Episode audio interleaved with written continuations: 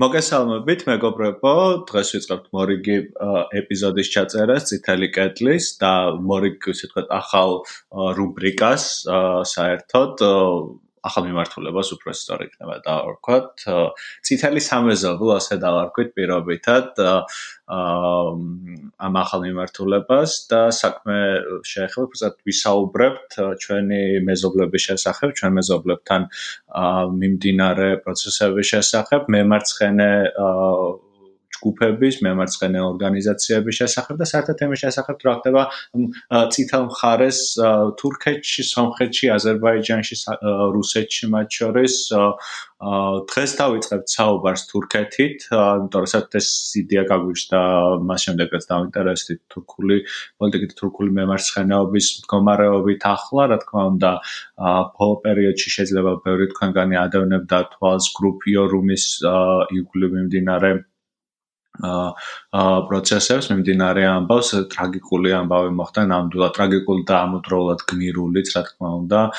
როგორც ით გრუპიორუმი არის თურქული ჯგუფი, მუსიკალური ჯგუფი, რომელიც რაც სასტიკ ძინააღმდეგობას აწყდებოდა თურქეთის ხელისუფლებისგან, საბოლოო ჯამში ეს ყველაფერი გაგრძელდა ჯგუფის თქმის ერთ აკრძალვით, მას კონცერტების გამართვის უფლებას არ აძლევდნენ, დევნიდნენ, ამიტომ ჯგუფის ორმა წევრმა დაიწყო შიმშილობა.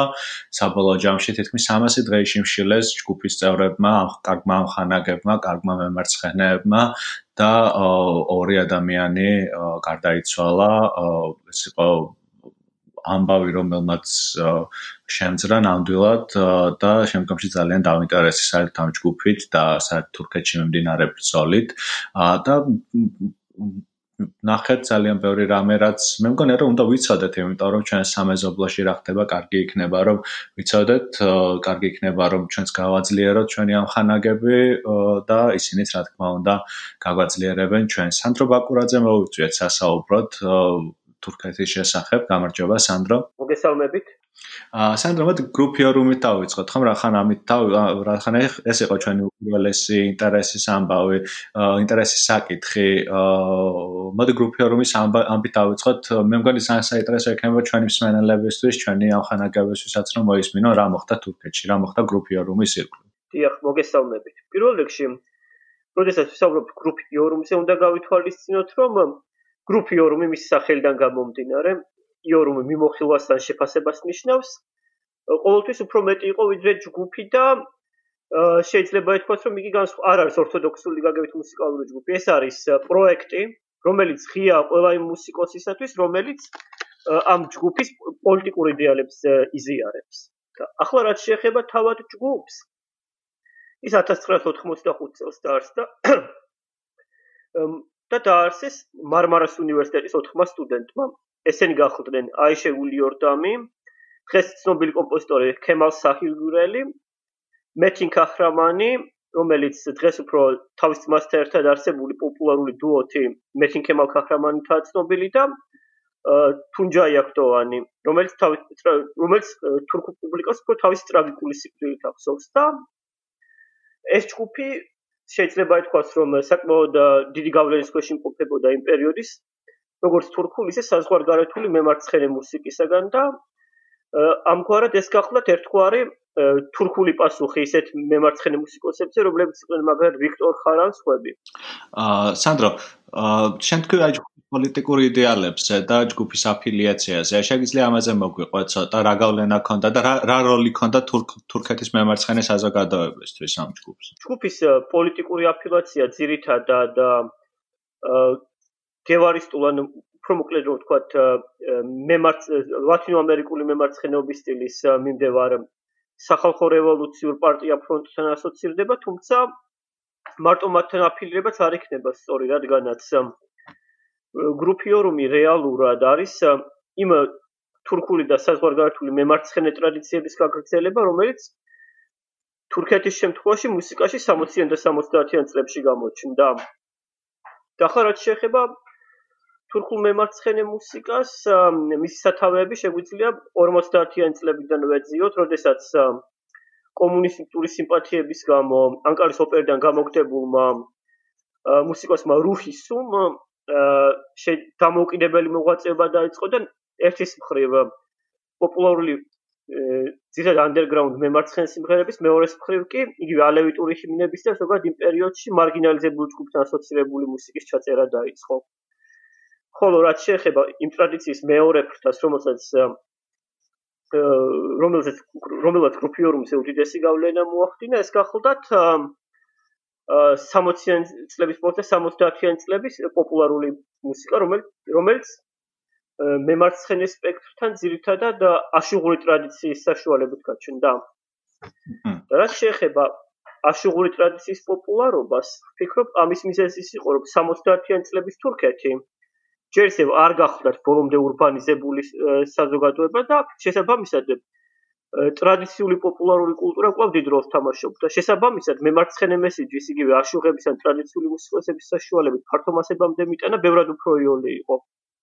ამ პერიოდში არის აი ეს ამ პერიოდიდან მოდის იბოს ამბავი, ხო? აი და ასეთი ეს ეს ფოლკლორული პერსონაჟი, რაც ამ კლევის დროს მოკლევის დროს შემხდა ძალიან ბევრჯერ იბო იბრაჰიმ კაფარაია, კაი. იბრაჰიმ კაიფაკაია. კე კე კე ზუსტად პოტშე აა რომელიც ერთი რაღაც ნახევრად მითოლოგიური ეთნოგრაფიული პერსონაჟი არის თურქი მემარცხენეებისთვის, რომელიც რაც დიდი გმირობის ჩამდენი ადამიანი, რომელიც შეიფყრეს რომელიც ეცა ეცა მაოისტი რევოლუციონერი, რომელიც ეწეოდა აა რევოლუციურ საქმიანობას, ყავდა თავისი გერილა რაზმები და შეიფყრეს თურქებმა, სათურქმა ძალოვნებმა, აწამეს, აწამებდნენ 3-4 ხო?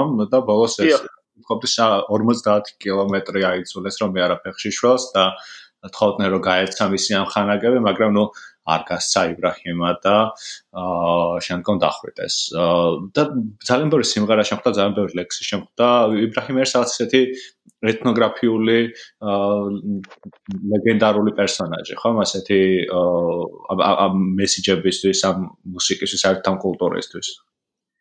რაც შეეხება იბრაჰიმ ქაიფაქაიას პირველ რიგში თუ გრუპიორმის კონტექსტში ვახსენებთ აქ ერთი რამ უნდა გავითვალისწინოთ იბრაჰიმ ქაიფაქაია არ გახლდათ იმ პოლიტიკური მოძრაობის წევრი რომელსაც გრუპიორმი ასოცირებული იბრაჰიმ ქაიფაქაია იყო თურქეთის მარქსისტული ლენინისტური კომუნისტური პარტიის დამაარსებელი და თუ მუსიკაზეა საუბარი ამ პარტიასთან ასოცირებულია უფრო გრუპ მუნზური და შესაბამისად იბრაჰიმ ქაიფაქაიაძის სიმღერები უფრო მათ რეპერტუარში შეგვხვდება და რაც შეეხება თავად იბრაჰიმ ქაიფაქაიას ის მართალია რომ დღევანდელი იბრაჰიმ ქაიფაქაია მართლაც უკვე საკმაოდ დაშორდა რეალურს და ფაქტობრივად ერთგვარ ფოლკლორულ პერსონაჟია დააქცეული.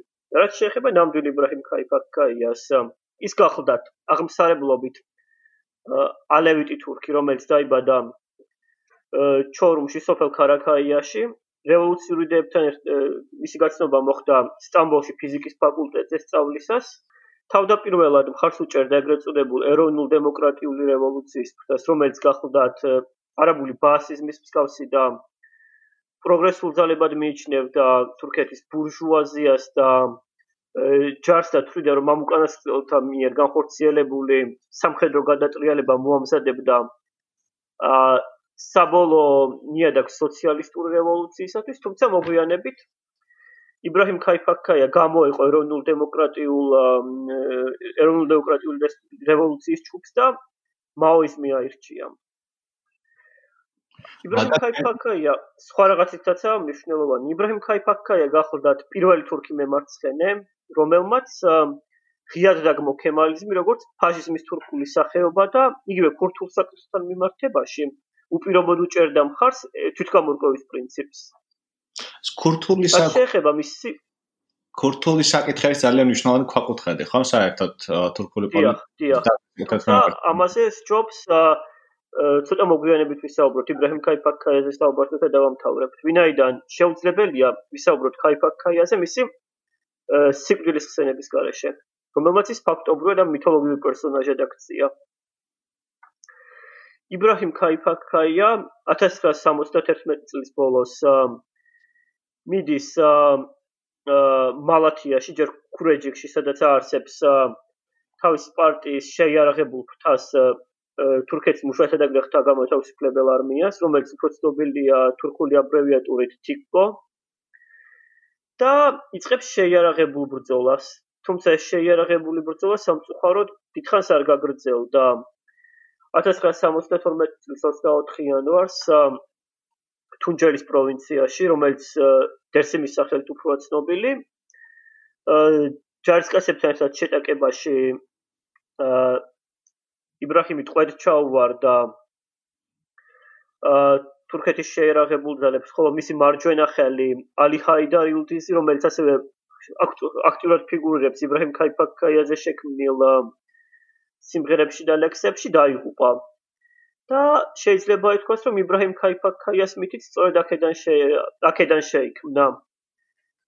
ისეთ საზოგადოებაში, რომელსაც ჰქონდა ძალიან დიდარი ფოლკლორული კულტურა, მაგრამ იმ პერიოდში საკმაოდ მცირე ფორმალური განათლების ხარისხი, ის ეპიზოდი თუ როგორ ათრიეს თვალში ჯაშა ტრანსპორტიოზე გამული ალი ჰაიდარის ცხედარი და როგორ ატარეს იბრაჰიმ ქაიფაკაია თვალში ფეხშიშველი ღრმად ჩაიბეჭდა ადგილობრივი მოსახლეობის მეხსიერებაში და სწორედ ამან შეუწყო ხელი იბრაჰიმ ქაიფაკაიას მითოლოგიურ პერსონაჟად ქცევას. ამას დაემატა ისიც, რომ პატიმრობაში იბრაჰიმ ქაიფაკაიამ ქაიფაკაიამ მიუხედავად გადატანილი წამებისა და იმ ყველაფრისა, რაც მას შემთხვევა არ გასცა თავისი ამხანაგები და უარი განაცხადა სახელმწიფოსთან თანამშრომლობაზე, მხოლოდ და მხოლოდ მისი ეს იმიჯი გამყარა. აა ჩვენ ვახსენეთ მისი ესე ვთქვათ პარტიზანული ბრძოლა, ხო, გერილა აქტივობა. აა ამ პერიოდში ბევრი უფრო მეტი ესეთი ჯგუფი იყო, ხო, თურქეთში 60-70-იან წლებში, 80-იან წლებში. აი რა როლს ასრულებდნენ ესეთი რა რამდენად ძლიერი იყო ეს გერილა მოძრაობები და ეხა როგორი სიტუაცია ამ კუთხით? და პოლიტიკურად რა პოზიციებზე იდგნენ, ეგეც საინტერესო იქნებოდა. აი დაუშვათ დავშოთ სეკულარისთან დაკავშირებით დავშოთ რა პოზიციები ქონდათ რომ გავიგო თვითონ აი პოლიტიკურათაც რა სკოლასთან გვაქვს საქმე როცა აი ამ წლების რადიკალურ მემარცხენე ჯგუფებზე საუბრობთ თურქეთში 70-იან წლებში თურქეთში შეიძლება ითქვას რომ მემარცხენეობა თავისი პერიოდის ოქროს ხანას განიცდიდა და იყო მემარცხენეების ორი კატეგორია ლეგალური და არალეგალური. ლეგალურზე ორიოდე სიტყვით რომ ვთქვათ, ესენი გახოდნენ პირველ რიგში აა თურქეთის მუშათა პარტია, რომელიც გახოლდათ ეგრეთ წოდებული თურქული სოციალიზმის იდეის გარშემო გაერთიანებული ძირთადად უფრო ევროკომუნიზმის მსგავსი დაჯგუფება, რომელიც ნაწილობრივ საბჭოთა კომუნისტურ რაღაცებს ემსგავსებოდა, მაგრამ იგივე საბჭოთა კავშირის ინტერვენციის ჩეხოსლოვაკიაში დაგმობით და მსგავსი რაღაცებით უფრო ევროკომუნიზმის მხარე კომუნიზმის მხარე ეჭირა. ხოლო მეორე გახლავთ იმ პერიოდში აა დღეს ქემალისტური ცნობილი და სახალხო რესპუბლიკური პარტია, რომელმაც იმ პერიოდში შეიძლება ითქვას, რომ ფაქტობრივად აა სოციალ-დემოკრატია ყველაზე მეტად გაითავისა. ეს იყო ის პერიოდი, როდესაც ქემალისტებისთვის მაგნაწილისთვის რომლებიც სახალხო რესპუბლიკური პარტიის გარშემო არიან გაერთიანებული მართლაც გარკვეულწოდ მემარცხენე შეიძლებოდა გვეწოდებინა და რაც შეეხება არალეგალურ მემარცხენე ფლანგს მის წარმოქმნა უკავშირდება პირველ რიგში 1968-იან ელების თაობას საფრანგეთის შემდეგ შეიძლება ითქვას რომ 1968 წელმა ყველაზე დიდი ხმაურით თურქეთში ჩაიარა მისი ცენტრები იყო იგივე სტამბოლის უნივერსიტეტი, ჰაჯეთეპეს უნივერსიტეტი, აა გაზის სამასწავლებლო ინსტიტუტი ანკარაში და პირველ თავად თავარია იმ პერიოდში ახლად დაარსებული ახლო აღმოსავლეთის ტექნიკური უნივერსიტეტი ანკარაში. ამ პერიოდში 68-იანელების მთავარ პლატფორმად გვევლინებოდა აა სიქიქულფლერი ფედერაციონი, ანუ მოაზროვნეთა კლუბების ფედერაცია და ამ მოგვიანებით არალეგალური და რადიკალური მემარცხენე ჯგუფების ლიდერების აბსოლუტური უმრავლესობა სწორედ ამ ფედერაციიდან იყო გამოსული. და ახლა რაც შეეხება იმ მიზეს, თუ რატომ მოხდა მათი რადიკალიზაცია. ამ პერიოდში თურქეთში საკმაოდ პოპულარული იყო მემარცხენების ის ჯგუფი, რომლებიც ეგრეთ წოდებულ ეროვნულ დემოკრატიულ რევოლუციას უჭერდნენ მხარს, რომელზეც ვისაუბრეთ კი, ზემოთ ვისაუბრეთ. და ეროვნულ დემოკრატიული რევოლუციის მომხრეებმა თურქეთის შეიარაღებულ ძალებშიც მოახერხეს გარკვეული მხარდაჭერის მოპოვება და ამ პერიოდში 1971 წელს იგეგმებოდა გადატრიალებაც, რომელსაც სწორდეს ეროვნულ დემოკრატიული რევოლუციის ფრთა უნდა მოეყვანა ქვეყნის სათავეში. თუმცა დაგეგმილ გადატრიალებამდე 3 დღით ადრე აა თურქეთის შეიარაღებული ძალების მეორე ფრთამ მოაწყო ერთგვარი კონტრგადატრიალება, დაბალი რანგის ოფიცრები, რომლებიც ამ ფრთას ეროვნულ დემოკრატიულ რევოლუციასთან იყვნენ ასოცირებულები, ძირითადად ანარალეგალურ მდგომარეობაში გადავიდნენ და დეზერტირობა მოუწიეს ან დააპატიმრეს. ხოლო უფრო მაღალი რანგის აქტიური სამსახურში ყოფის სამხედროების უმეტესობა აიძულეს გადამდგარიყვნენ. სამი დღის შემდეგ მოხდა კონტრგადატრიალება და ლეგალური მემარცხენე პლატფორმების უმეტესობა დაიხურა. ხოლო საკმაოდ ბევრი მათი წარმომადგენელი ან დააპატიმრეს ან იძულებული გახადეს გადასულიყვნენ არალეგალურ მდგომარეობაზე. და იმის გათვალისწინებით, რომ რადიკალურად განწყობილმა 68-იანელმა ახალგაზრდებმა ლეგალური მემარცხენე პარტიების 12 მარტის გადატრიალების შემდგომ პერფორმანსი ვერ ნახეს არ მიჩნიეს დამაკმაყოფილებლად. ახალი ძალა მოიპოვა არალეგალური შეიარაღებული ბრძოლის იდეა. და რამდენად მასობრივი იყო ეს არალეგალური შედ ეს იატაქვეშა მოძრაობები ეს პარტიზანული ბრძოლები ჩვენ ვსაუბრობთ ჩანასენ რაღაც რობინ ჰუდის აა მას მსგავს ფუნქციას ასრულებდნენ თურქეთის სოფლებში აგრაულ ნაწილში და ასე შემდეგ. ამდენად აქტუალური, ამდენად ძლიერი ეს ყველა. დიახ, უნდა გავითვალისწინოთ ამ პერიოდში თურქეთი მიუხედავად იმისა, რომ стереოტიპები феодализმს ქურთულ აღმოსავლეთთან ასოცირებს რეალურად და თურქეთის დასავლეთ ნაწილიც ფაქტობრივად ტურიზმის ინდუსტრიის მასობრივ განვითარებამდე აა ფაქტობრივად ფეოდალური იყო და გლეხების უმეტესობა იყო უმიწო. ამ პერიოდში მემარცხენეებმა ეს კარგად გაითვალისწინეს და შეიძლება ითქვას, რომ მათი ერთ-ერთი მთავარი მოქმედების არეა იყო ეგეოსის ზღვის და ხმელთაშუაზღვისპირეთის რაიონის სამიწათმოქმედო არეები, სადაც ისინი აქტიურად ეხმარებოდნენ ადგილობრივ გლეხობას ფეოდალების მიწების დაკავებაში. და შეიძლება ითქვას, რომ ამ მიწების დაკავებების საშუალებით გლეხობაში მართლაც ძალიან დიდი მხარდაჭერა შეიძინეს. მეორე გახლდათ ეგრეთ წოდებული გეჯეკონდუ დირენიშლერი. გეჯეკონდუ ეს არის ინგლისური სლამის შესაწყისენ ჩვენებური ნახალოვკის. ვინაიდან თურქეთში урბანიზაცია უსწორმასწორად განხორციელდა, როგორც წესი, სოფლებიდან ჩამოსულები იკავებდნენ სახელმწიფოს ბალანსზე მყოფ ტერიტორიებს და იქ აშენებდნენ სახელდახელო და სახლებს.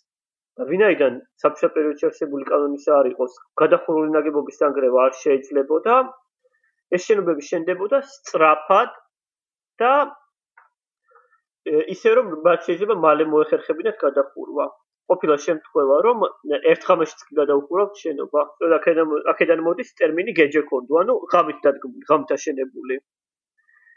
და მემარცხენეების მოქმედების მეორე არეალი იყო სწორედ გეჯეკონდუები, სადაც ისინი ადგილობრივ მოსახლეობას აქტიურად ეხმარებოდნენ იგივე მუნიციპალიტეტების თუ ხელისუფლების ცდილობების წინააღმდეგ დაენგრიათ ესათვის გეჯეკონდუ და სწორედ ამ პერიოდში ჩამოყალიბდა ის უბნები, რომლებიც დღესაც მემარცხენე შეხედულებებითაა ცნობილი, მაგალითად სტამბოლში გაზი დაოქმეიდანი, იზმირში გუთეფე, ანკარაში თუზლუჩაი და სხვები. აა ეს უბნების იდენტობაც შეიძლება ეს ინტერესო ბავშვი. დიახ. და რაც შეეხება უშუალოდ არალეგალურ შეიარაღებულ ჯგუფებს 1971 წლამდე პირველ სამი მთავარი ჯგუფი გამოიკვეთა. პირველი ეს იყო დენის გესმიშის თურქეთის სახალხო გამოთავისუფლებელი არმია. მეორე გახლდათ მაჰირჩაიანის თურქეთის სახალხო გამოთავისუფლებელი პარტია ფრონტი გრუპიორუმის გრუპიორუმთან დაკავშირებული ჯგუფის წინაპარი მესამე კი გახლავთ ზემოთ ნახსენები იბრაჰიმ ქაიფაქაიას მაოისტური მარქსისტული ლენინისტური კომუნისტური პარტია 1972 წელს 1972 წლის გადატრიალების შემდეგ პირველი ორი ჯგუფი შეიძლება ითქვას რომ ფაქტობრივად გაანადგურეს სცენის გესმიში და მისი ორი უახლოესი თანამებრძოლი სიკვდილით დასაჯეს ხოლო მაჰირ ჩაიანი დაიღუპა თურქე თურქული მემარცხენე ფოლკლორის მნიშვნელოვან მოვლენად ქცეულ კიზილდერეს მოვლენებში როდესაც დენის გესმიშის და მისი თანამებრძოლების სიკვდილით დასაჯის გადაწყვეტების გაუქმების მიზნით მაჰირ ჩაიანმა და მისმა თანამებრძოლებმა გაიტაცეს ამერიკული რადარის მომსახურე პერსონალი. თუმცა ეს ცდილობა წარუმატებლად დამთავრდა და კიზილდერეშა მაჰირ ჩაიანი და მის თანამებრძოლები დაიღუპნენ. ხოლო რაც შეეხება იბრაჰიმ ქაიფაქაიას და მარქსისტულ ლენინისტურ პარტიას, საინტერესოა რომ მიუხედავად 1972-72 წლის მოვლენებისა და იბრაჰიმ ქაიფაქაიას დაღუპვისა, მათ ისინი ფაქტობრივად ერთადერთი ჯგუფი იყვნენ, რომლებიც 1972 წლის მოვლენებს გადაურჩნენ. მიუხედავად ლიდერების დიდი ნაწილის დაღუპვისა, გადარჩენილებმა თუნჯელის პროვინციაში გადაინაცვლეს და მასწავლებელ სულაიმან ჯიჰანის მეთაურობით ფაქტობრივად ხელახლა დაარსეს ეს ჯგუფება. რაც შეეხება დანარჩენ მემარცხენე ჯგუფებს, ისინი უკვე 74-75 წლიდან იწყებენ ხელახალ გაერთიანებას. აა იბრაჰიმის ჯგუფზე რა ვთქვა, დღესაც აქტუალურია, ხო, ეს ჯგუფი მეც ჩვენ საუბარში ვართ და მეც გამოვიკლე აქტიურ პოლიტიკაში წავიდნენ, როგორც ვიცით და რაღაც რომელაც ქალაქის მერიც არის ახლა მაოისტი, ხო? კი, რაც შეეხება იბრაჰიმ ხალიფაქაიას მარქსისტულ ლენინისტურ პარტიას, შეიძლება ითქვას, რომ დღეს თურქეთში მისი მინიმუმ სამი სპლინტერ ჯგუფია პოლიტიკურად აქტიური. პირველი გახლავთ ლავთ ორიგინალი კლასიკური თიქო, ანუ ის აა სულაიმან ჯიჰანის ჯგუფი. მეორე გახლავთ მარქსისტულ-ლენინისტური კომუნისტური პარტია, რომელიც თავდაპირველად ცნობილი იყო როგორც მარქსისტულ-ლენინისტური პარტია ხალხის ერთობა, დღეს მლკპ-ის სახელითაა ცნობილი.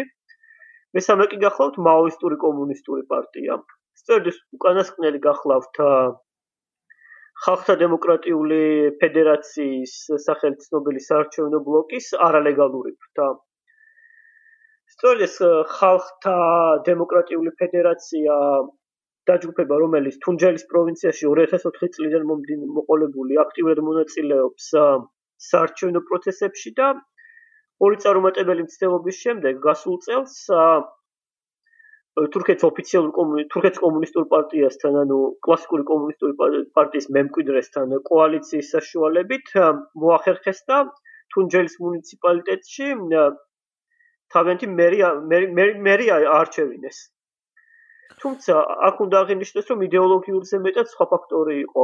თუნჯელის მერი ფათიხ მეჰმედმაჩოღლუ თავისი კოოპერატივის კოოპერატიული მოღვაწეობებით და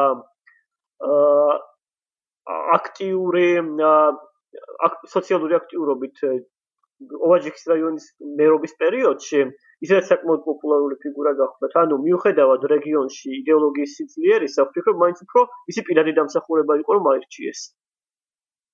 და რა მაინტერესებს, აი ამ მემარცხენე ჯგუფებს, ისე ამ თემას რო დაუბრუნდა, ამ რადიკალ მემარცხენე ჯგუფებს, მარქსისტ ლენინისტებს და ასე შემდეგ, მაოისტებს, რა დამოკიდებულება ჰქონდათ აი რელიგიასთან მიმართებაში და იყვნენ თუ არა თვითონ აა მოწმენეები და საერთოდ როგორ ხედავდნენ ამ სეკულარულ სახელმწიფოსთან დამოკიდებულებას ეს სხვადასხვა ჯგუფები მით უმეტეს რაღაც კემალისტური სახელმწიფოს კრიტიკის ფონზე. აა ამ ჯგუფების უმეტესობა იდეოლოგიის შესაბამისა და ათეისტი გახლდათ, თუმცა მოგვიანებით აა კონიუნქტურის შესაბამისად იგივე მაგალითად აა დევრიმჯი სოლმა იგი ანუ რევოლუციონარი ლეფტმა, იგივე რევოლუციონარი მარცხენება მოგვიანებით იგივე ალევიზმთან მიმართებაში თავიანთი დამოკიდებულება შეარბილეს, თუმცა სუნიტური ისლამთან მიმართებაში კვლავ ინარჩუნებენ თავიანთ ყოფით დამოკიდებულებას. ზოგადად კი ისინიც კი ვინც რელიგიის მიმართ შეიძლება პროიალურად არიან განწყობილები, ზოგადად სეკულარიზმს უპირობოდ უჭერენ მხარს. და ეს ხასაკითხებთან რა დამოკიდებულება აქვს? დაუშვათ აი ქურთების დაუშვათ დამოკიდებულებას უჭერენ ეს ჯგუფები მხარს თუ აი როგორ ხედავენ თვითონ თურქუ სახელმწიფოს? აა იმის გათვალისწინებთ რომ დღევანდელ თურქეთში მემარცხენეობა რატომღაც ასოცირებულია ქემალიზმთან ძირთადად მათი 60-იანი წლების რიტორიკიდან გამომდინარე, როდესაც სახალხო რესპუბლიკური პარტია მემარცხენე ცენტრისტულად გამოაცხადეს თურქეთში გამოჩნდა ორი სახის დაყოფა. პირველი გახლავთ ეგრეთებული ქემალისტი მემარცხენეები, მეორე კი სოციალისტი მემარცხენეები. რაც შეეხება ქემალისტებს, ქემალიზმმა რაც არ უნდა სოციალ-დემოკრატიული პარტიის მანტია მოირგოს, ის არ არის მემარცხენე იდეოლოგია. იუ იბრაჰიმ ქაიფაქა ეს ნათქვამის არ იყოს ქემალიზმი 30-იან წლების ფაშისტური იდეოლოგიების თურქული ვარიანტი ვარიანტი იყო და შესაბამისად მისი სოციალ-დემოკრატიად რეფორმირება არ არის იონი. მაგრამ რაც შეეხება სოციალისტ მემარცხენეებს, მათი აბსოლუტური უმრავლესობა ხურთელ ქურთულ საკითხთან მიმართებაში საკმაოდ მოიაზრებოდა განწყობილი ეროვნული თვითგამორგოვის პრინციპიდან გამომდინარე. ანუ თვლიან, რომ თუკი ქურთისტანში შეძარცდება წითელი ხელისუფლება და ეს იქნება სოფლიო რევოლუციისას ან თურქეთის ტერიტორიაზე მიმდინარე რევოლუციური პროცესების სასარგებლო, მაშინ ქურთებს სრული უფლება აქვს სახელმწიფო დაარსონ და მთავარი არის ორი ხალხის შრომელებს შორის ძმობა და არა პოლიტიკური პოლიტიკური რუკის თავისებურებები. აა და ქურთები ზოგადად და ქურთული პარტიები ძალიან დიდი ქავლენის და ძალიან დიდი მნიშვნელობის არიან, ხო, თურქეთის მემარცხენე ბრძოლაში. პკ პკკ PKK ქურდისტანის პარტია არის, ხო? და ალბათ ეს არის ყველაზე ძლიერი მოძრაობა დღეს ერთ-ერთი, ხო? დიახ, დიახ და ქურდისტანის მუშათა პარტიას რაც შეეხება აქ როგორი რაღაცა გვაქვს? ქურდისტანის მუშათა პარტია ერთის მხრივ აა თურქეთის მემარცხენე ფრონტიდან არის გამოსული და მისი გამოყოფაც სწორედ იმპერიის ქურთი მემარცხენეების იმედგაცრუებას უკავშირდება მათივე სიტყვებით რომ ვთქვა თურქების სოციალ შოვინიზმით თუმცა მოხდა ისე რომ დღეს საკმაოდ ბევრი თურქული მემარცხენე ჯგუფი დაკავშირებულია როგორც ქურთისტანის მუშათა პარტიასთან ისე მასთან ასოცირებული ლეგალურ პოლიტიკურ ორგანიზაციებთან. ანუ არ არის ხო ლეგალური ჯგუფი ანუ? ეკა არა. თუმცა გარკვეული ლეგალური ფრონტები და რაღაცები რა თქმა უნდა აქვს თურქეთის შიგნითაც ან ირიბად ასოცირებული რაღაცეები. აჰა. აა და დღეს მგონი ერთ-ერთი ყველაზე ისეთ გამორჩეული ჯგუფი არის, არა განსაკუთრებით ქურდისტანის საკითხი და აა გარდა ამისა აქვე გითხავ ხომ როჟავას შესახებ. როჟავას საკითხი უნდა იყოს მნიშვნელოვანი ისეთ გამყოფი თურქულ პოლიტიკაში ალბათ. და თურქულ ჯგუფებშიც როგორი დამოკიდებულება ამის მიმართ ახლა. შეიძლება როგორც ბევრი თურქი მემარცხენე ამბობს და როგორც ქურთებიც აღნიშნავენ, როჟავას საკითხი ერთგვარი ლაკმუსის ქაღალდი გახდა. როგორც ერთი ერთ-ერთი თურქი მემარცხენე ინტელექტუალის სიტყვებით რომ ვთქვათ, როჟავას საკითხი არის ის ლაკმუსის ქაღალდი, რომელიც ნათლად აჩვენებს, ვინ არის რეალურად მემარცხენე და ვინ არა. ეგრეთ წოდებული სოციალისტი მემარცხენეების უმრავლესობა როჟავას როგორც პროგრესულ მოვლენას მხარს უჭერს, მაგრამ რაც შეეხება იგივე ქემალისტებს მაგალითად, მიუხედავად მათი მემარცხენე იდეებისა, შეიძლება ითქვას, რომ თურქეთის ამჟამინდელი ხელისუფლების ინტერვენციონისტული პოლიტიკის პირობებში მის ერთ-ერთ თავად მხარდამჭერებად გვევლინებიან და შეიძლება ითქვას, რომ როჟავას საკითხს თურქეთის ამჟამინდელი ხელისუფლება წარმატებით იყენებს ოპოზიციის ნეიტრალიზაციისათვის. აჰა. აა მოდი ქურდისტანის საკითხს დაუბრუნდეთ ისე ცოტა ხანში. ახლა მოდი ისე გადმოვიდეთ გრუპიორუმის შესახებ, ხო? ამ პროტესტ შესახებ რომ მოგვიყვა რაც მოხდა სარასაც აბოლო ჯამში ორიონ ხანაგის დაღუპვა აა მოხდა ხომ? საიდან დაიწყო ეს დაპირისპირება? რამდენად რამდენად ისეთი იყო? ძლავრი ეს წინააღმდეგობა თურქეთის სახელმწიფოსგან და სად რამ გადაათქმევინა ასეთი ნაბიჯი ჯგუფის წევრებს?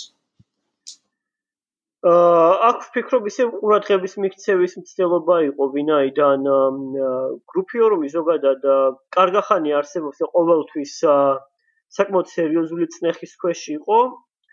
და შესაბამისად ხშირი იყო პერიოდი, როდესაც მათი კონცერტები აკრძალული იყო უბრალოდ ასე სამწლიანი აკრძალვა, ფაქტობრივად სამწლიანი აკრძალვა მათ კონცერტებზე პირველი შემთხვევაა და აა ვფიქრობ ის მიზეზი რამაც მისი ამ ჯგუფის წევრები რადიკალურ ზომამდე მიიყვანა, სწორედ ის იყო, რომ საზოგადოების მხრიდან სხვა ტიპის პროტესტებს მაინც და მაინც სერიოზული რეაქცია არ მოჰყვა.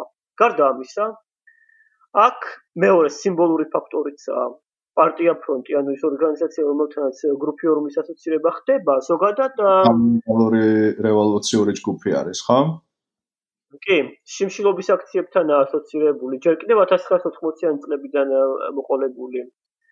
1980 წლის გადატრიალების შემდეგ, როდესაც პარტია ფრონტი არ არსებობდა და არსებობდა აა ისევ ის დევსოლი ანუ რევოლუციური მემარცხენე ფრონტი, აა სწორედ იმ პერიოდში 1984 წელს როგორც მახსოვს თურქეთ როდესაც თურქეთის მემარცხ თურქი მემარცხენების უმეტესობა აა იმ პერიოდის სამხედრო ხუნტამ ციხეში ჩაყარა ამ ჯგუფის წევრებმა ფაქტობრივად პირველებმა იგივე თურქეთის მუშათა და გლეხთა ერთობასთან ერთად პირველი შიმშილობის აქცია დაიწყეს.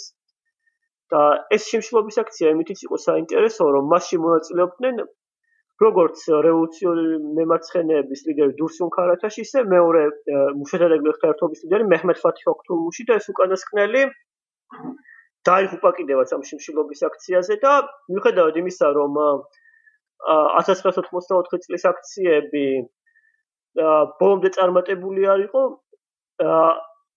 ის მაინც მოახერხეს, რომ ხალხის ყურადღება მიიქციეს და ამავე დროს ციხეებში პირობები შედარებით გაუმჯობესდა.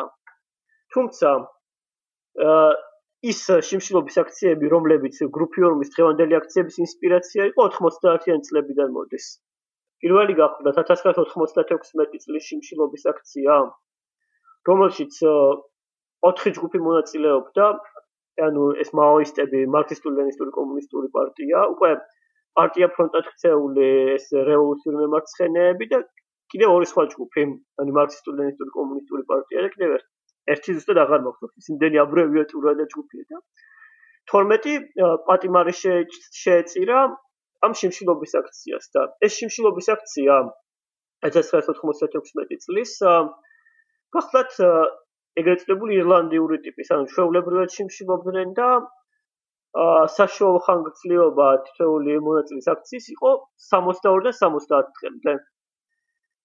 და მიუხედავად იმისა, რომ ამ აქციებმა გარკვეული შედეგი მოიტანა და მაშინდელი იუსტიციის მინისტრი მეჰმედ ავარი გადადგა და ახალ ტიპის ციხეების აა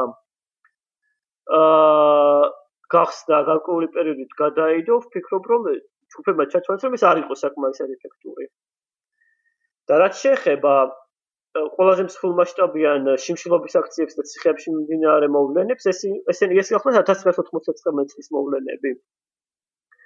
რომლებმაც გრძელვადიან პერსპექტივაში შეიწირა ამ მემარცხენე ორგანიზაციების წამყვანი კადრების უმეტესობა და შეიძლება ითქვას რომ ისინი ისე გატეხა წელში რომ დღემდე ვერ მოახერხეს რეაბილიტაცია. 1999 წელს ახალ ტიპის ციხეების გახსნასთან ერთად საპროტესტო აქციებიც დაიწყო, რადგანაც ძველი ტიპის ციხეებში, ანუ ზონური ტიპის ციხეებში ნაყოფიერი სიტუაცია იყო ახალი კადრების რეკრუტირებისთვის ახლები კი ამის საშუალებას არ იძლეოდა და შედეგად ათასობით პოლიტიკურმა პატიმარმა დაიწყო შიმშილობა და კიდევ უფრო მეტი სხვადასხვა ტიპის საპროტესტო აქციებში მონაწილეობდა.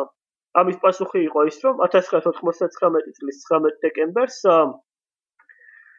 თურქეთის ხელისუფლებამ ციხეებზე განახორციელა ციხეებში განახორციელა სპეცოპერაცია, რასაც 30-მდე პატიმრის სისტემას მოეწოლა. ხოლო 80-მდე პატიმარი მომდევნო დღეებში შიმშილობის აქციებზე დაიღუპა. და შეიძლება ითქვას, რომ ეს იყო ის ტრაგიკული მოვლენა და ის გარდატეხის წერტილი, რომელმაც ამ მემარცხენე ჯგუფების პირველ რიგში კი პარტია ფრონტის რეალური გავლენა ფაქტობრივად დაასამარა. და რაც შეეხება ამ შიმშილობის აქციებს შეიძლება ითქვას რომ იგივე მეთოდიკით, მოდუს ოპერანდით და ყველაფრით გრუპიორმის დღევანდელი აქციების ინსპირაცია იყო. აა ეს ხო მიუწევ ესე ლაპარაკობდი მგონია რა ვაშო. დიახ და ახლა რატომ რაში გამოიხატება 1999 წლიდან წლის აქციების სიმბოლური როლი? ვინაიდან 1996 წელს იმპატიმრების უმეტესობა რომელიც შიმშილობის აქციებში მონაწილეობდა და გადარჩა სიმედ დაავადდა და იგივე ხებათ იგივე 1999 წლის პირველ წელს მოშიმშილეებსაც აა ჯგუფმა დაიწყო ახალი მეთოდების გამოგონება, ანუ იმის გამო რომ ეს შიმშილობის აქციები დიდხანს გაგრძელებულიყო და შეიძლება მეტი რეზონანსი გამოეწვია, დაიწყეს ახალი მეთოდით შიმშილობა. ანუ თავდაპირველად იღებდნენ მხოლოდ აა მარილს, შაქარს და წყალს. ეს უკვე აა სტანდარტულ 60-70 დღიან აქცია სადაც 200 დღემდე სწევდა. მაგრამ ვერ აბრკოლებდა ვერნიკე კორსაკოვის სინდრომს, რომელმაც ისინი ვინც მოგვიანებით სიმშლობს აქცია შეწყვიტეს ფაქტობრივად დააინვალიდა.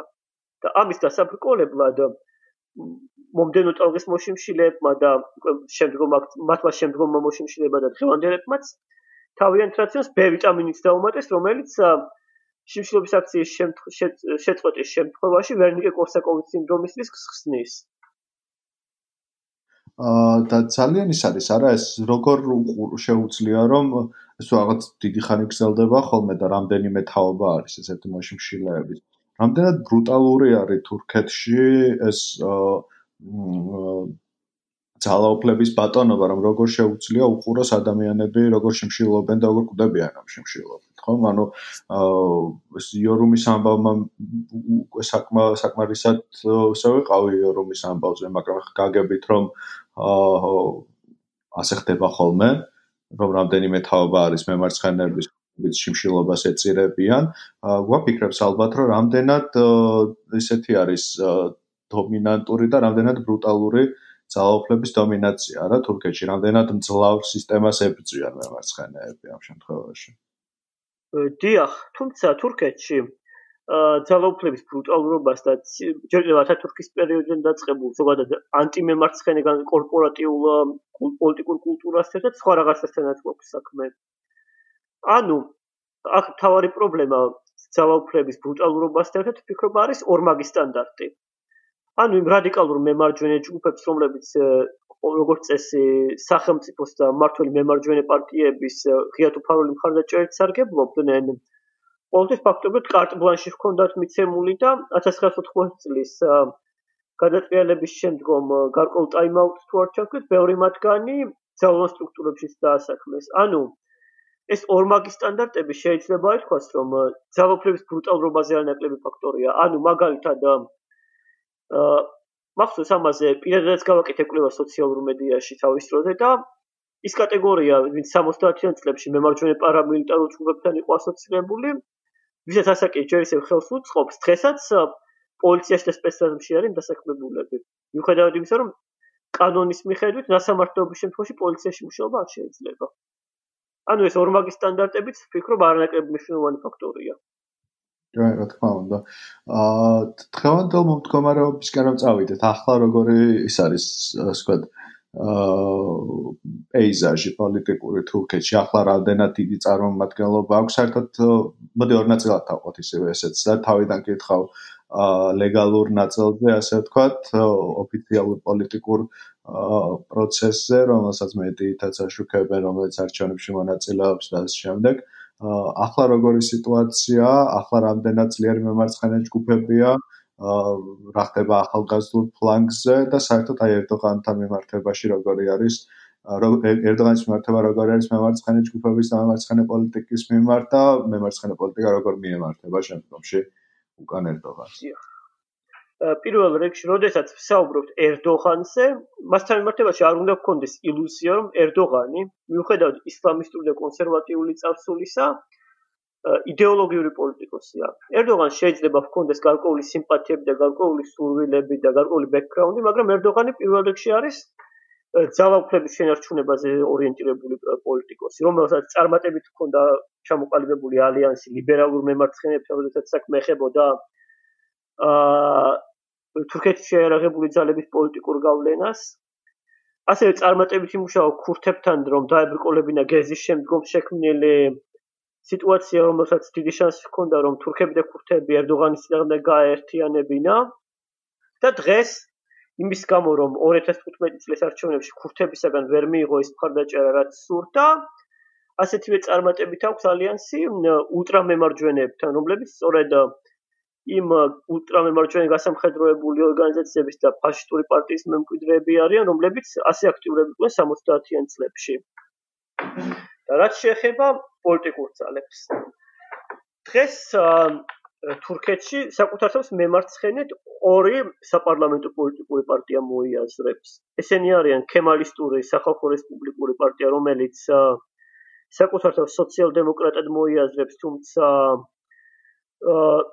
თავად პარტიის შიგნით ძალიან ბევრი ფრაქციაა და შეიძლება ითქვას რომ პარტიის საბოლოო სახე თქვათ მემარცხენე ამდვილად არ არის? მეორე კი გახლავთ ხალხთა დემოკრატიული პარტია რომელი რომლის ძირთად ძირთად პოლიტიკური პოლიტიკურ ძალასაც ქურთები შეადგენენ თუმცა აა საკმაოდ ბევრი არიან თურქი მემარცხენეებიც მათ რიგებში რაც შეეხება ხალხთა დემოკრატიულ პარტიას მისი მთავარი პრობლემა დღეს ისაა რომ ქურთების ახალთავობაში, მათ შორის ქურთის წესრიგთა პარტიის მხარდამჭერებშიც რეალურად ის ძველი მემარცხენე идеოლოგია ფაქტობრივად ქურთული ნაციონალიზმითაა ჩანაცვლებული და რამდენადაც აა თავად თურქებში ანტიქურთული განწყობილება ძლიერი, იმდენად თავად ქურთებშიც ანტითურქული განწყობილება უკვე საკმაოდ ძლიერი. ანუ შეიძლება ითქვას, რომ მაგ კუთხით აა ეს მემარცხენე მუხტი ქურთებს შორსაც სერიოზულ კრიზისს განიცდის. მაგრამ ასე თუ ისეა ჯერჯერობით ამ ორ პარტიას 100%-იანი ბარიერის გადალახვა და აა საპარლამენტო წარმომადგენლობის მოპოვება დღევანდელი სიტუაციის მიხედვით გარანტირებული აქვს. მიუხედავად იმ უზარმაზარი ზეწოლისაც ხალხთა დემოკრატიული პარტიის წინააღმდეგ ხორციელდება და იმ სკლეროტული აპარატისა, რომელიც გააჩნია სახალხო რესპუბლიკურ პარტიას და ამ პარტიის შიგნით არსებული შოვინისტი ქემალისტებისა. გეოგრაფია თუ აქვს ამ მემარცხენე განაწილებას თურქეთში შეგვიძლია ვთქვათ, რომ დასავლეთი არის მემარცხენე, აღმოსავლეთი არა და ასე შემდეგ. აა ერთიან მემარცხენე გეოგრაფიაზე საუბარი დღევანდელ თურქეთში არ არის სწორი, თუმცა 70-იან წლებში რაღაც მსგავსზე შეიძლება და საუბარი. გეოგრაფიული კუთხით თურქეთში არის დასახლებები, რომლებიც ისტორიულად მემარცხენე იყო და დღესაც მასია მაგალითად იგივე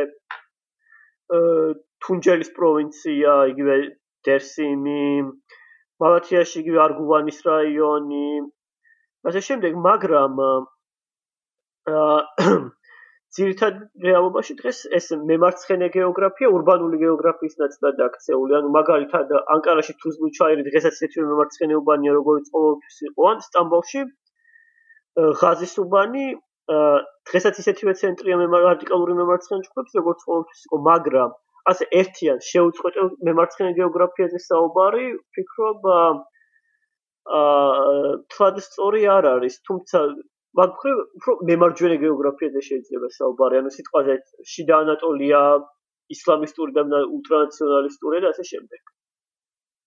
და აი ამ ეხ დღევანდელ სპექტრზე რო ვთქვა, ხო, დღეს ვინც ფორმალურად მემარცხენეები არიან და რაღაც პოლიტიკას აწარმოებენ, მათ თუ აქვთ დაშოთ ერდოღანისგან რადიკალურად განსხვავებული საერთაშორისო ან რეგიონალური პოლიტიკის რაღაც გატარების საშუალება თუ იზიარებენ დიდწილად ერდოღანის პოზიციონირებას საერთაშორისო არენაზე. გულისხმობ იგივე ნატოსთან დაშოთ ნატოსთან დაკავშირ დაკავშირებით თუ არსებობს თავშოთ კრიტიკა მარცხნიდან ან თუ არის თავშოთ ისრაელთან, პალესტინასთან დაკავშირებული კრიტიკა ან აი ან ახლო აღმოსავლეთში თავშოთ თურქეთის ჩარევის ფორმებთან დაკავშირებით თუ მიმდინარეობს აი ესე იდეოლოგიური დისკუსია.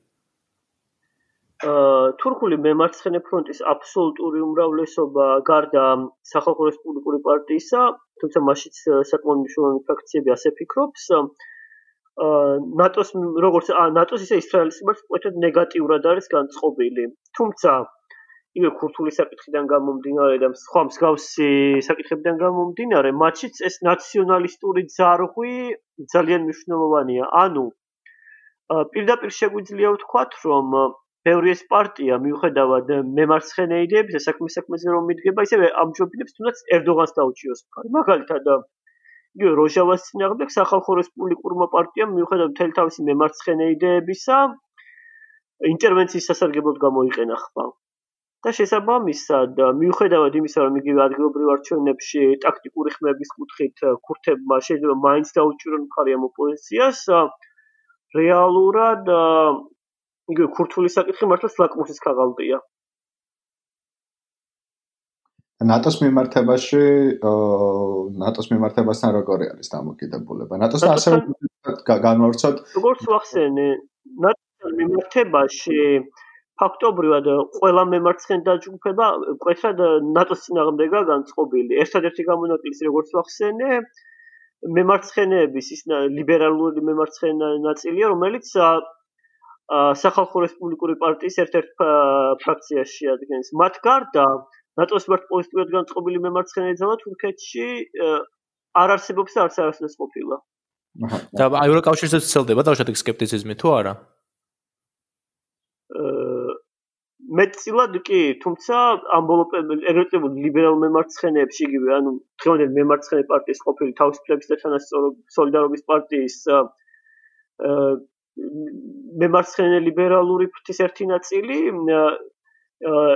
ევროკავშირის წევრობის ფუნდამენტალურად წინააღმდეგი არ არის. აა ერთ იდეოლოგიურ სპლიტს ცოტა უკარო დაუბრუნდეთ, ამერე ისევ გადმოხდეთ აქ, ხომ? დიახ. აა ნიშნულოვანი პერიოდი არის ეს სინო-სოვიეთ სპლიტის, ხო, 60-იანი წლების საბჭოთა კავშირის. დიახ. მაგრამ თურქულ მემარცხენეობის ნიშნულოვანი პერიოდია, ხო? თუმცა თურქების უმეტესობა ირჩევენ მაოს მიმართულებას, მაოიზმის მიმართულებას. რატო ფიქრობ, რატო დიახ. რატომ იყო ადეკვატური მაო ასე თურქეთისთვის? და იგივე ალბათ უკავშირდება ამ ეკონომიკურ სტრუქტურასაც, ხო, როგორც საუბრობდი იგივე სოფლის მეურნეობაც დამოკიდებულ მოსახლეობაზე და ასე შემდეგ. რა თქმა უნდა. დიახ, დიახ, თუმცა აქ ვფიქრობ, რამდენიმე ფაქტორი იყო. პირველი ფაქტორი ეს ეს გახლდათ ოფიციალური კომუნისტური პარტიისგან პარტიით იმედგაცრუება.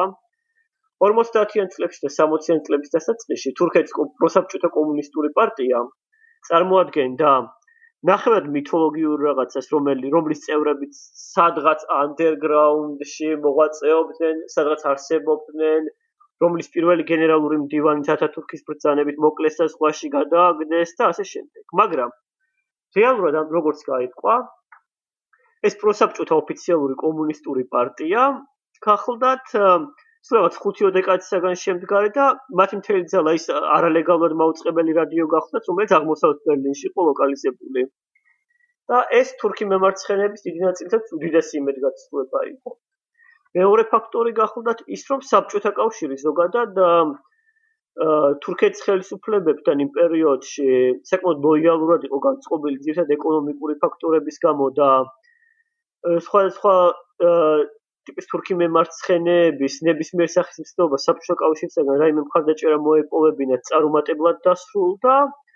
მესამე კი გახლდათ როგორც ვახსენეთ ის რომ თურქეთი ამ პერიოდში მართლაც სასოფლო მეურნეო ქვეყანა იყო და შესაბამისად ბევრი თვლა რომ მაოიზმი უფრო მიესადაგებოდა მას. თუმცა სინოსოვიეთ სპლიტში თურქები თურქი მემარცხენეების მიერ ჩინეთის მხარდაჭერის მთავარი ფაქტორი მაინც ვფიქრობ როგორც ზემოთ ვახსენე საბჭოთა კავშირის პოზიცია იყო მხარი არ დაეჭირა თურქი მემარცხენეებისათვის. და საბჭოთა პოლიტიკა იქამდეც მიდიოდა რომ იგივე 70-იანების ბოლოს როდესაც თურქეთში ფაქტობრივად გამოუცხადებელი სამოქალაქო მიმდინარეობდა მემარცხენეებს და მემარჯვენეებს შორის იმ მემარცხენეებს რომლებიც იგივე ბათუმში ახერხებდნენ გადასვლას საბჭოთა ხელისუფლება უკუპმან უკან უბრუნებდა თურქეთს. აი ამასაც მითოდა რომ მეკითხა ჩვენი საქართველოს მიმართ თუნდაც საბჭოთა პერიოდიდან დღესაც დამოკიდებულება თურქულ მემარცხენე ჯგუფებში. ხო, შეუძლებელია რომ არ იყოს ინტერესი ალბათ იმის თუ როგორ ჩვენთან არის ინტერესი ახლა და ჩვენს ყვა ინტერესებს რა ხდება, შეუძლებელია რომ მათაც არ ქონდეთ. ხო, მსგავსი ინტერესი მასთან დაკავშირებით სამეზობლოში რა ხდება თუნდაც. დიახ, დიახ, თუმცა ეს არის ძირითადად უფრო როგორ ვთქვა, ძველი თაობის მემარცხენეებში ეს უფრო როგორი რაღაცა, საქართველოს აღიქვამენ როგორც ნეოლიბერალიზმის მიერ განადგურებული საბჭოთა კავშირის მორიგ ნაწილს. ხო, ახალგაზრდებში უფრო ის დამოკიდებულება, როგორ ვთქვა, გარკვეული ესტანდარტული ინტერნაციონალური ინტერნაციონალისტური ინტერესი დაახლოებით იგივე ნეოლიბერალური უღლის ქვეშ ყოფს ყოფის ხო ქვეყნის მიმართ. აჰა. და ძველ დროზე რომ წავიდეთ, შენ თქვი რომ ბათუმში გადიოდნენ და ასე შემდეგ და საბჭოთა კავშირთან კონდეთ ურთიერთ ხომ ანუ ძალიან დიდი ნაწილი არის თურქეთში რომელსაც რომელსაც დიდი კავშირი აქვს საქართველოსთან მომრავი ადამიანი ცხოვრობს. საქართველოსშიც არის საქართველოს ნაწილი რომელსაც აქვს ისტორიული კავშირი თურქეთთან ხომ? და ტერიტორიაზე თუ მოქმედებს რაღაც ასეთი მემარცხენე ჯგუფები, ამ ტერიტორიაზე როგორი ისტორია აქვს მემარცხენე? აა ზოგადად თურქეთში ქართველები განსაკუთრებით მუჰაჯირი ქართველები ბურსაში მაგალითად და ქოჯარავში ასოცირებულები არიან თურქულ ფაშიზმთან და ისლამიზმთან. და მიუხედავად იგივე გარკვეული გამონაკლისებისა, მაგალითად კარგად ცნობილი აჰმედ მელაშვილი თურქეთის მუშათა პარტიის საკმაოდ მნიშვნელოვანი წევრი იყო ბურსის ორგანიზაციაში, ხოლო მისი შვილი იბერია მელაშვილი მაოისტებთან იყო ასოცირებული და ახმედ მელაშვილი ძარა ქართველობის არამედ მემარცხენე შეხედულებების გამო მოკლეს რეალურად მაგრამ მუჰაჯირ ქართველებში მემარცხენება ახმედ მელაშვილის ნერ გამონაკლისების გარდა ზოგადად არ იყო პოპულარული მაგრამ ავტოქტონ ქართველებში განსაკუთრებით ართვინში გშავშეთის და იმერხევის მოსახლეობაში ძალიან იყო პოპულარული და 90-იან წლების შუამდეც კი მან და როგორც ვახსენეთ, იგივე იბრაჰიმ ქაიფაქაიას მარქსისტულ-ლენინისტური პარტია მოქმედებდა უფრო მანამდე კი მანდ და ამასთანავე იგივე ორდის პროვინციის დასახლება ფაცასში, სადაც ქართველების დიდი რაოდენობით ცხოვრობდნენ, სხვადასხვა მემარცხენე დაჯგუფებები ძალიან ძლიერები იყვნენ. და აქ განსაკუთრებით საინტერესოა 1978-80 წლებში არსებული ფაცას კომუნის მაგალითი. ფაცა ეს გახლავთ ზღვისპირა დასახლება ორდუს პროვინციაში, სადაც ძალიან ბევრი აჭარელი მუხაჯირი ცხოვრობს. და 1978 წლის ადგილობრივი არჩევნებით აირჩიეს თერძი ფიქრის მეტსახელით ცნობილი ფიქრისონ მესი, რომელიც გახლავთ უკვე დახსენები რევოლუციური მემარცხენეების წარმომადგენელი. ფოტოშოპის ეს ადამიანი ეს ეროვნებით ქართველი გახლავთ აჭარელი მუხაჯირების შთამავალი და ის ქართული გვარიცაა ცნობილი, უბრალოდ მე აღარ მახსოვს. და ქართულიც იცოდა, ქართულენოვანი იყო ზოგადად. და შეიძლება ითქვას, რომ ფაცას კომუნა იყო თვითორგანიზაციის თვითორგანიზაციის უპრეცედენტო მაგალითია. ეს იყო ადგილი, სადაც საკუთარი მოსახლეობამ საკუთარი სახსრებით და საკუთარი შენობებით არც მეტი არც ეკლები ტრასა გაიყვანა. რომ აღარაფერი თქვათ იგივე ქალაქში ინფრასტრუქტურის საკუთარი ძალებით მოწესრიგებაზე, სასოფლო სამეურნეო კომუნებზე და ასე შემდეგ. და შეიძლება ითქვას, რომ ფაცას კომუნის დარბევა 1980 წლის 12 სექტემბრის გადატრიალების ერთგვარი პრელუდია იყო, როდესაც თურქეთის შეარაღებულმა ძალებმა სეპარატიზმის ბრალდებით რამდენიმე ქვედან სამხედრო ქვედანაყოფი გაუშვეს ფაცაში და სასტიკად დაარბიეს იქაურობა. მაგრამ ზოგადად შეიძლება ითქვას, რომ ქართველები მემარცხენეობასთან რამდენიმე გამონაკლისის გარდა ნაკლებად ასოცირდებიან. სხვა საკითხია, როცა ლაზებზე გვაქვს საუბარი. ლაზები დღემდე მიუხედავად 90-იან წლების მნიშვნელოვანი ცვლილებებისა, მაინც მემარცხენე სპექტრთან სპექტრთან არის ასოცირებულები. რით არის ეს ასოცირება? ლაზების შემთხვევაში ფიქრობ ეს უკავშირდება რამდენიმე რაღაცას. პირველი ის რომ ლაზებით ზოგადად ეთნიკური უმცირესობა და თემალისტური და მოგვიყვებით მილიტარისტული რეჟიმების სიმწარე მათაც გამოიარეს. მეორე ეს გახლავთ სირემიციანობის პრობლემა, რომელიც შავზღვისპირეთს აქვს. აა მესამე კი გახლავთ ფიქრობ ზოგადად ის ქონებრივი უთანასწორობა, რომელიც შავზღვისპირეთსნაირ ადგილებში ყოველთვის უფრო მეტად იყო გამოკვეთილი, ვიდრე მაგალითად იზმირში ან ბოდრუმში მაგალითად. სიგარია. აა თხევანდელ ბოლოს ეტაპობრივად წავიდეთ დასასრულისკენ და ისე შეჯამებისკენ რა დღევანდელ დღევანდელობაზე ვისაუბროთ კიდევ ხომ? აა ნუ იორუმის მაგალითი იორუმა მე მგონი მიიყრო საერთაშორისო ყურადღებაც მათ შორის იმიტომ რომ ძალიან ბევრგან შემხვდა საუბარი ამ ყველაფერზე. აა ამის გარდა როგორც ხედავთ არის კიდევ რამდენიმე საპარლამენტო პარტია, ამის გარდა არის რამდენი არალეგალური მიწისქვეშა საქმიანობაც, თუმცა მაინც თქვათ მემარცხენე საზოგადოების საერთაშორისო მემარცხენე საზოგადოებისთვის თურქეთი არ არის ხოლმე მაინც ესეთ ყურადღების ცენტრში, თითქმის ძანიშვიათო, თითქმის არასდროს, ხომ? აა რატომ რას ფიქრობ რომ არის ამის მიზეზი, ხომ? რატომ არის ეს ვთქვათ ეს ლოკალიზებული და რატომ არ აქვს აი ესეთი ფართო რეზონანსი ხოლმე თუნდაც იგივე მემარცხენე გამოცემებში რომელიც თავსოფლიოზე წერა ყოველთვის. აქ პირველ რიგში ვფიქრობ ცივი ომის პერიოდამდე უნდა გადავახვიოთ ეს ყველაფერი.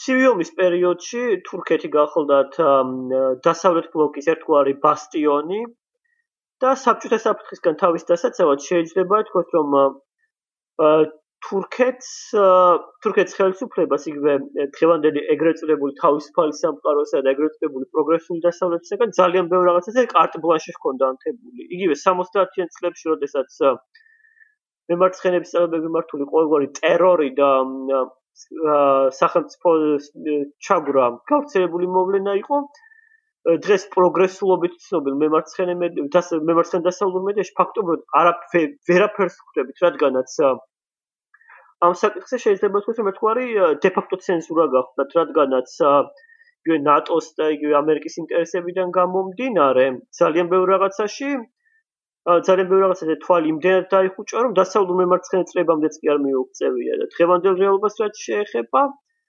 აქ ვფიქრობ ზოგადად ევროპული და ამერიკული მემარცხენეების ევროცენტრიზმს ევროცენტრიზმსაც მნიშვნელოვანი როლი გააჩნია. ანუ ქვეცდობიერში ისინი თურქეთს სტანდარტულ ახლო აღმოსავლურ ქვეყნად აღიქვამენ სადაც აი არაფერს აზრი არ აქვს. ეს ერთი ხოლო მეორე ფაქტორი არის ის რომ დასავლელი მემარცხენეებიც რეალურად ინტერნაციონალიზმიდან გამოვიდნენ და იდენტობის პოლიტიკაში ჩაიკეტნენ.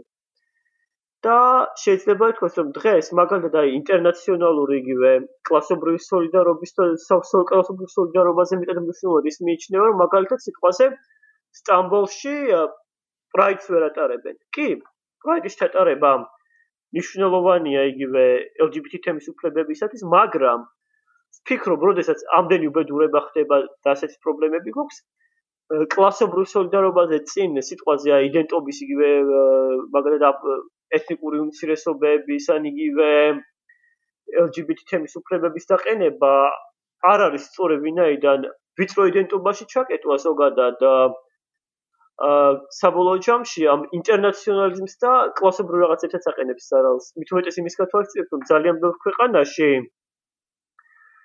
აა იქაური მუშათა კლასი განვითარების სხვა დონეზე და სხვა ღირებულებები აქვს.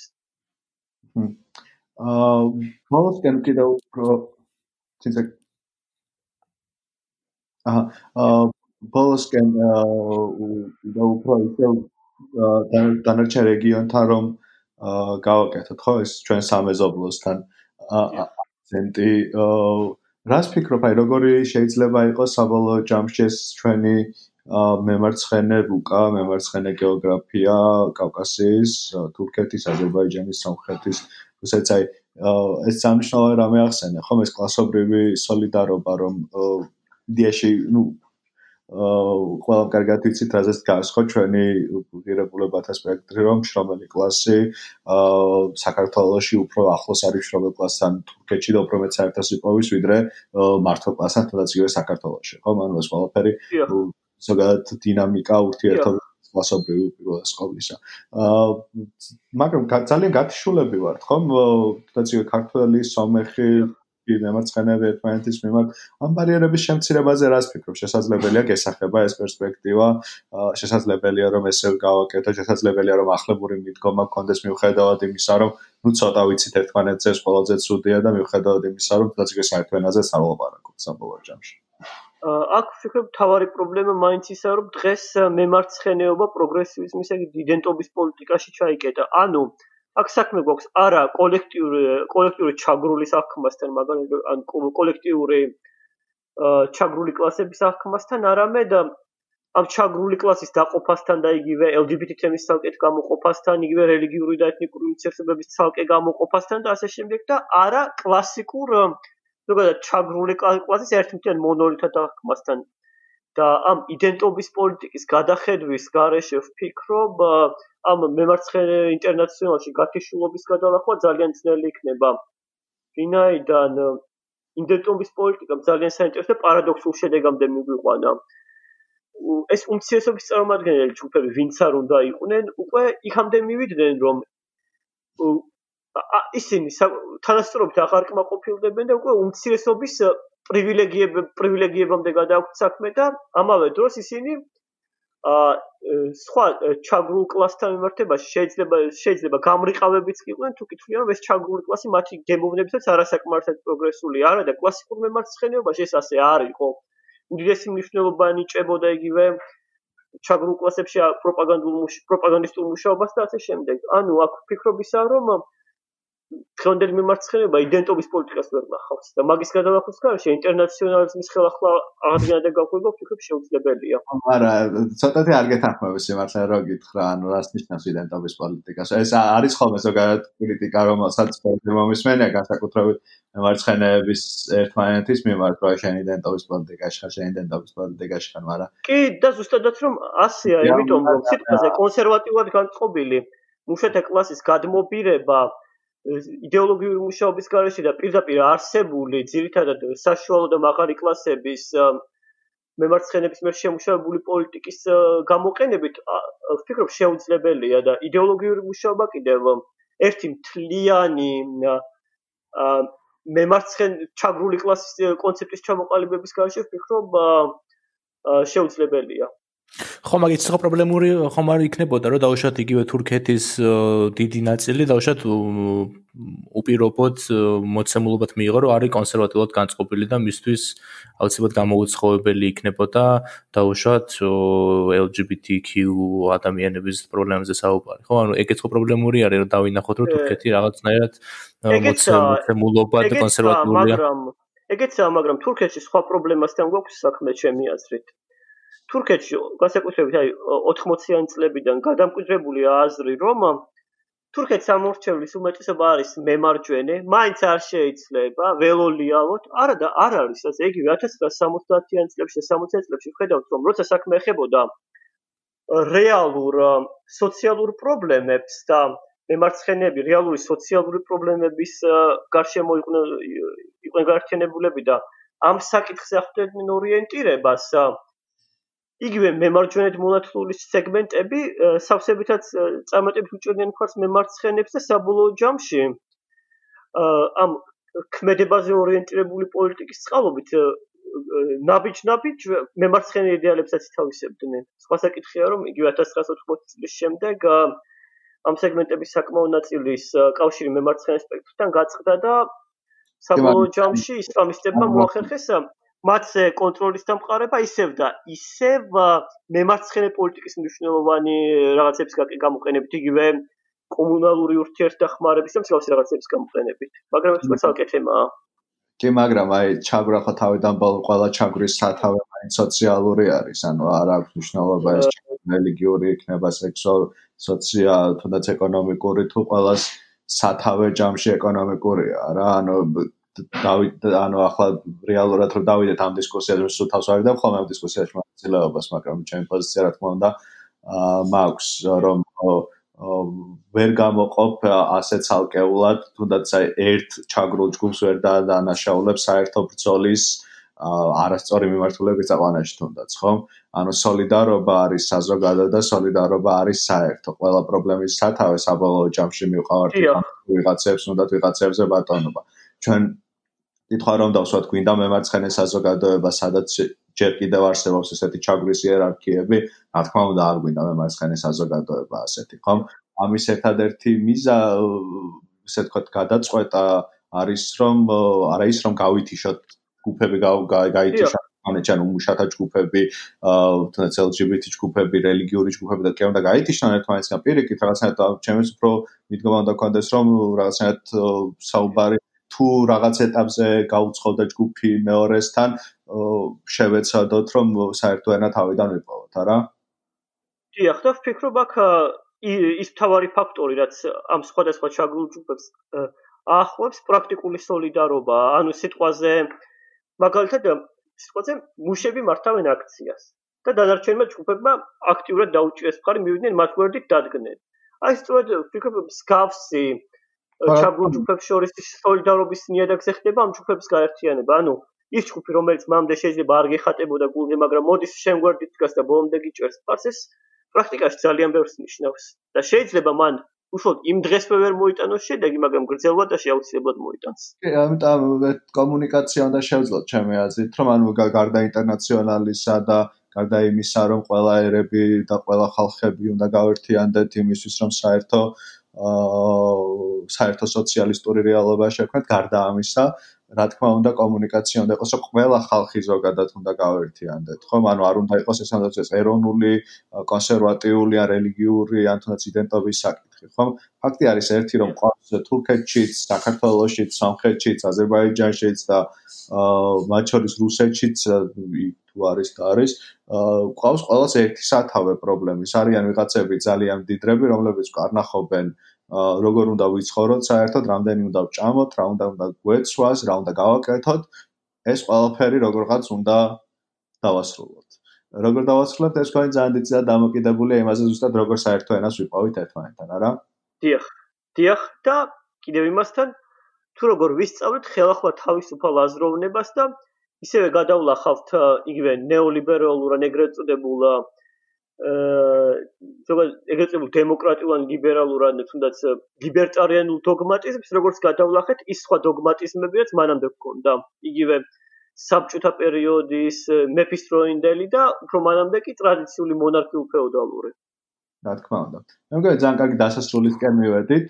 დასასრულს სიმღერას ჩავრთავთ, მოდი, გრუპიო რუმისგან. და გირჩევთ რომ სანდრო შენ გვირჩია მაგ სიმღერა, კარგი? რატომ გადაწყვეტ რომ ასადო? პირველ რიგში იმიტომ რომ მე მიხედავთ რომ თემატიკა შიმშილობის აქციებთან არ არის დაკავშირებული, ვფიქრობ გრუპიორუმთან ასოცირებული ერთ-ერთი ყველაზე პოპულარული სიმღერაა. ანუ თემატიკა არის სტანდარტული, დერსიმის მთებში ხელი ხელში მაუსერიან და ციტელ ვარსკვლავიანი ბერეტი ბერეტით პარტიზანული ბრძოლის საკავებულ ჯემოზეა.